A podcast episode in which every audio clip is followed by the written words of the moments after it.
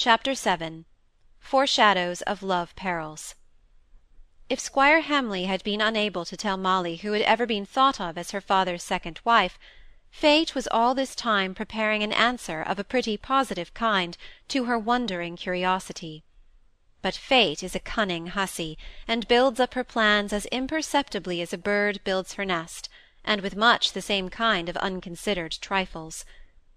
The first trifle of an event was the disturbance which Jenny, Mr Gibson's cook, chose to make at Bethia's being dismissed. Bethia was a distant relation and protégée of Jenny's, and she chose to say it was Mr Coxe the tempter who ought to have been set packing. Not Bethia the tempted, the victim. In this view there was quite enough plausibility to make Mr Gibson feel that he had been rather unjust. He had, however, taken care to provide Bethia with another situation, to the full as good as that which she held in his family. Jenny, nevertheless, chose to give warning, and though Mr Gibson knew full well from former experience that her warnings were words, not deeds, he hated the discomfort, the uncertainty, the entire disagreeableness of meeting a woman at any time in his house who wore a grievance and an injury upon her face as legibly as Jenny took care to do. Down into the middle of this small domestic trouble came another, and one of greater consequence. Miss Eyre had gone with her old mother, and her orphan nephews and nieces to the seaside, during Molly's absence, which was only intended at first to last for a fortnight. After about ten days of this time had elapsed, Mr Gibson received a beautifully written, beautifully worded, admirably folded, and most neatly sealed letter from Miss Eyre. Her eldest nephew had fallen ill of scarlet fever, and there was every probability that the younger children would be attacked by the same complaint. It was distressing enough for poor Miss Eyre, this additional expense, this anxiety, the long detention from home which the illness involved. But she said not a word of any inconvenience to herself; she only apologized with humble sincerity for her inability to return at the appointed time to her charge and Mr Gibson's family; meekly adding that perhaps it was as well, for Molly had never had the scarlet fever and even if Miss Eyre had been able to leave the orphan children to return to her employments, it might not have been a safe or a prudent step. To be sure not, said Mr Gibson, tearing the letter in two and throwing it into the hearth, where he soon saw it burnt to ashes. I wish I'd a five pound house, and not a woman within ten miles of me. I might have some peace then. Apparently he forgot Mr Coxe's powers of making mischief, but indeed he might have traced that evil back to the unconscious Molly. The martyr cook's entrance to take away his breakfast things, which she announced by a heavy sigh, roused Mr Gibson from thought to action. Molly must stay a little longer at Hamley, he resolved. They've often asked for her, and now they'll have enough of her, I think. But I can't have her back here just yet, and so the best I can do for her is to leave her where she is. Mrs. Hamley seems very fond of her, and the child is looking happy and stronger in health. I'll ride round Hamley to-day, at any rate, and see how the land lies. He found Mrs. Hamley lying on a sofa placed under the shadow of the great cedar tree on the lawn. Molly was flitting about her, gardening away under her directions, tying up the long sea stalks of bright budded carnations, snipping off dead roses. "Oh, here's papa!" She cried out joyfully as he rode up to the white paling which separated the trim lawn and trimmer flower garden from the rough park-like ground in front of the house. "Come in, come here, through the drawing-room window," said Mrs. Hamley, raising herself on an elbow. "We've got a rose tree to show you that Molly has budded all by herself. We are both so proud of it. So Mr Gibson rode round to the stables, left his horse there, and made his way through the house to the open-air summer parlour under the cedar tree, where there were chairs, table, books, and tangled work. Somehow he rather disliked asking for Molly to prolong her visit, so he determined to swallow his bitter first, and take the pleasure of the delicious day, the sweet repose, the murmurous, scented air. Molly stood by him, her hand on his shoulder. He sat opposite to Mrs. Hamley. "I've come here to-day to ask a favour," he began. "Granted before you name it. Am not I a bold woman?" He smiled and bowed, but went straight on with his speech. "Miss Eyre, who has been Molly's governess, I suppose I must call her, for many years, writes to-day to say that one of the little nephews she took with her to Newport while Molly was staying here has caught the scarlet fever. I guess your request. I make it before you do. I beg for dear little Molly to stay on here. Of course Miss Eyre can't come back to you, and of course Molly must stay here. Thank you. Thank you very much. That was my request. Molly's hand stole down to his, and nestled in that firm, compact grasp. Papa, Mrs. Hamley, I know you'll both understand me, but mayn't I go home? I am very happy here, but oh, papa, I think I should like to be at home with you best. An uncomfortable suspicion flashed across his mind. He pulled her round, and looked straight and piercingly into her innocent face. Her colour came at his unwonted scrutiny, but her sweet eyes were filled with wonder rather than with any feeling which he dreaded to find. For an instant he had doubted whether young red-headed Mr. Coxe's love might not have called out a response in his daughter's breast. But he was quite clear now. Molly, you're rude to begin with. I don't know how you're to make your peace with Mrs. Hamley, I'm sure. And in the next place, do you think you're wiser than I am, or that I don't want you at home if all other things were comfortable? Stay where you are, and be thankful.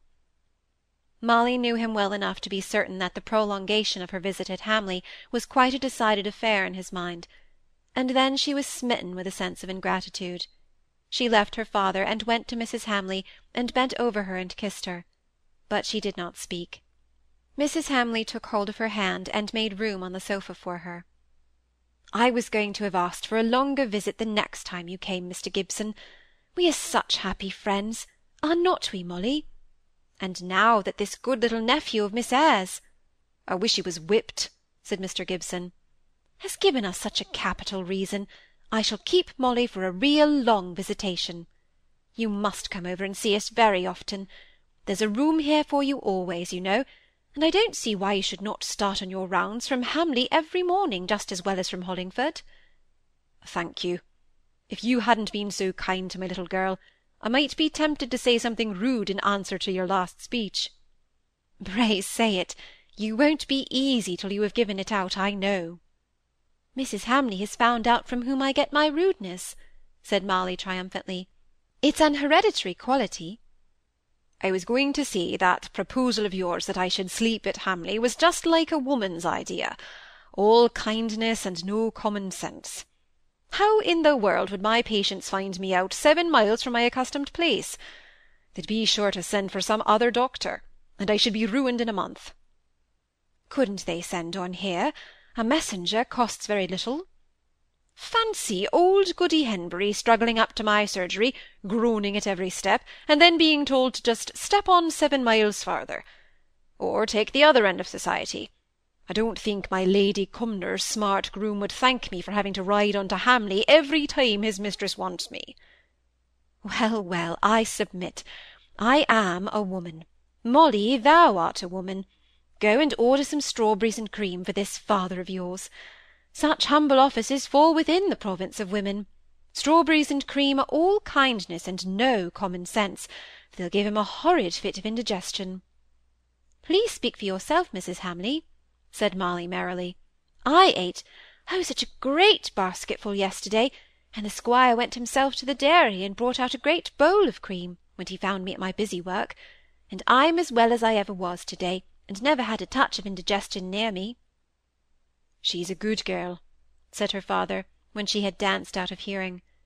The words were not quite an inquiry, he was so certain of his answer. There was a mixture of tenderness and trust in his eyes, as he awaited the reply, which came in a moment.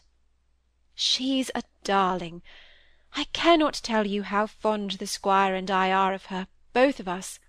I am so delighted to think she isn't to go away for a long time. The first thing I thought of this morning when I wakened up was that she would soon have to return to you, unless I could persuade you into leaving her with me a little longer. And now she must stay, oh, two months at least. It was quite true that the squire had become very fond of Molly. The charm of having a young girl dancing and singing inarticulate ditties about the house and garden was indescribable in its novelty to him. And then Molly was so willing and so wise, ready both to talk and to listen at the right times. Mrs. Hamley was quite right in speaking of her husband's fondness for Molly. But either she herself chose a wrong time for telling him of the prolongation of the girl's visit, or one of the fits of temper to which he was liable, but which he generally strove to check in the presence of his wife, was upon him. At any rate, he received the news in anything but a gracious frame of mind. "Stay longer? Did Gibson ask for it?" "Yes, I don't see what else is to become of her, Miss Eyre away and all. It's a very awkward position for a motherless girl like her to be at the head of a household with two young men in it." "That's Gibson's look-out. He should have thought of it before taking pupils or apprentices, or whatever he calls them." "My dear Squire! Why, I thought you'd be as glad as I was, as I am, to keep Molly. I asked her to stay for an indefinite time, two months at least." "And to be in the house with Osborne? Roger, too, will be at home. By the cloud in the squire's eyes, Mrs. Hamley read his mind. "Oh, she's not at all the sort of girl young men of their age would take to. We like her because we see what she really is, but lads of one or two and twenty want all the accessories of a young woman." "Want what?" growled the squire. "Such things as becoming dress, style of manner. They would not at their age even see that she is pretty. Their ideas of beauty would include colour. I suppose all that's very clever, but I don't understand it. All I know is that it's a very dangerous thing to shut up two young men of one and three and twenty up in a country house like this with a girl of seventeen, choose what her gowns may be like, or her hair, or her eyes. And I told you particularly I didn't want Osborne, or either of them, indeed, to be falling in love with her. I'm very much annoyed." Mrs. Hamley's face fell; she became a little pale. "Shall we make arrangements for their stopping away while she is here? Staying up at Cambridge, or reading with some one? Going abroad for a month or two?" "No. You've been reckoning this ever so long on their coming home. I've seen the marks of the weeks on your almanac. I'd sooner speak to Gibson and tell him he must take his daughter away, for it's not convenient to us." "My dear Roger, I beg you will do no such thing. It will be so unkind. It will give the lie to all I said yesterday. Don't please do that. For my sake, don't speak to Mr. Gibson." "Well, well, don't put yourself in a flutter," for he was afraid of her becoming hysterical. "I'll speak to Osborne when he comes home, and tell him how much I should dislike anything of the kind." "And Roger is always far too full of his natural history and comparative anatomy and messes of that sort, to be thinking of falling in love with Venus herself. He has not the sentiment and imagination of Osborne." "Ah, you don't know. You never can be sure about a young man. But with Roger it wouldn't so much signify. He would know he couldn't marry for years to come." All that afternoon the squire tried to steer clear of Molly, to whom he felt himself to have been an inhospitable traitor. But she was so perfectly unconscious of his shyness of her, and so merry and sweet in her behaviour as a welcome guest, never distrusting him for a moment, however gruff he might be, that by the next morning she had completely won him round and they were quite on the old terms again.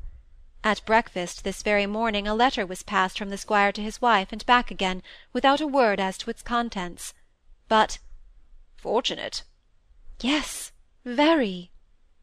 Little did Molly apply these expressions to the piece of news Mrs. Hamley told her in the course of the day, namely that her son Osborne had received an invitation to stay with a friend in the neighbourhood of Cambridge, and perhaps to make a tour on the Continent with him subsequently and that consequently he would not accompany his brother when Roger came home. Molly was very sympathetic. "Oh dear, I am so sorry." Mrs. Hamley was thankful her husband was not present, Molly spoke the words so heartily. "You have been thinking so long of his coming home. I am afraid it is a great disappointment." Mrs. Hamley smiled, relieved. "Yes, it is a disappointment, certainly, but we must think of Osborne's pleasure. And with his poetical mind he will write such a delightful travelling letters. Poor fellow! He must be going into the examination to-day. Both his father and I feel sure, though, that he will be a high wrangler. Only I should like to have seen him, my own dear boy. But it is best as it is. Molly was a little puzzled by this speech, but soon put it out of her head. It was a disappointment to her, too, that she should not see this beautiful, brilliant young man, his mother's hero. From time to time her maiden fancy had dwelt upon what he would be like, how the lovely boy of the picture in Mrs. Hamley's dressing-room would have changed in the ten years that had elapsed since the likeness was taken; if he would read poetry aloud; if he would even read his own poetry. However, in the never-ending feminine business of the day, she soon forgot her own disappointment. It only came back to her on first wakening the next morning, as a vague something that was not quite so pleasant as she had anticipated, and then was banished as a subject of regret. Her days at Hamley were well filled up with the small duties that would have belonged to a daughter of the house had there been one. She made breakfast for the lonely squire, and would willingly have carried up madam's, but that daily piece of work belonged to the squire, and was jealously guarded by him.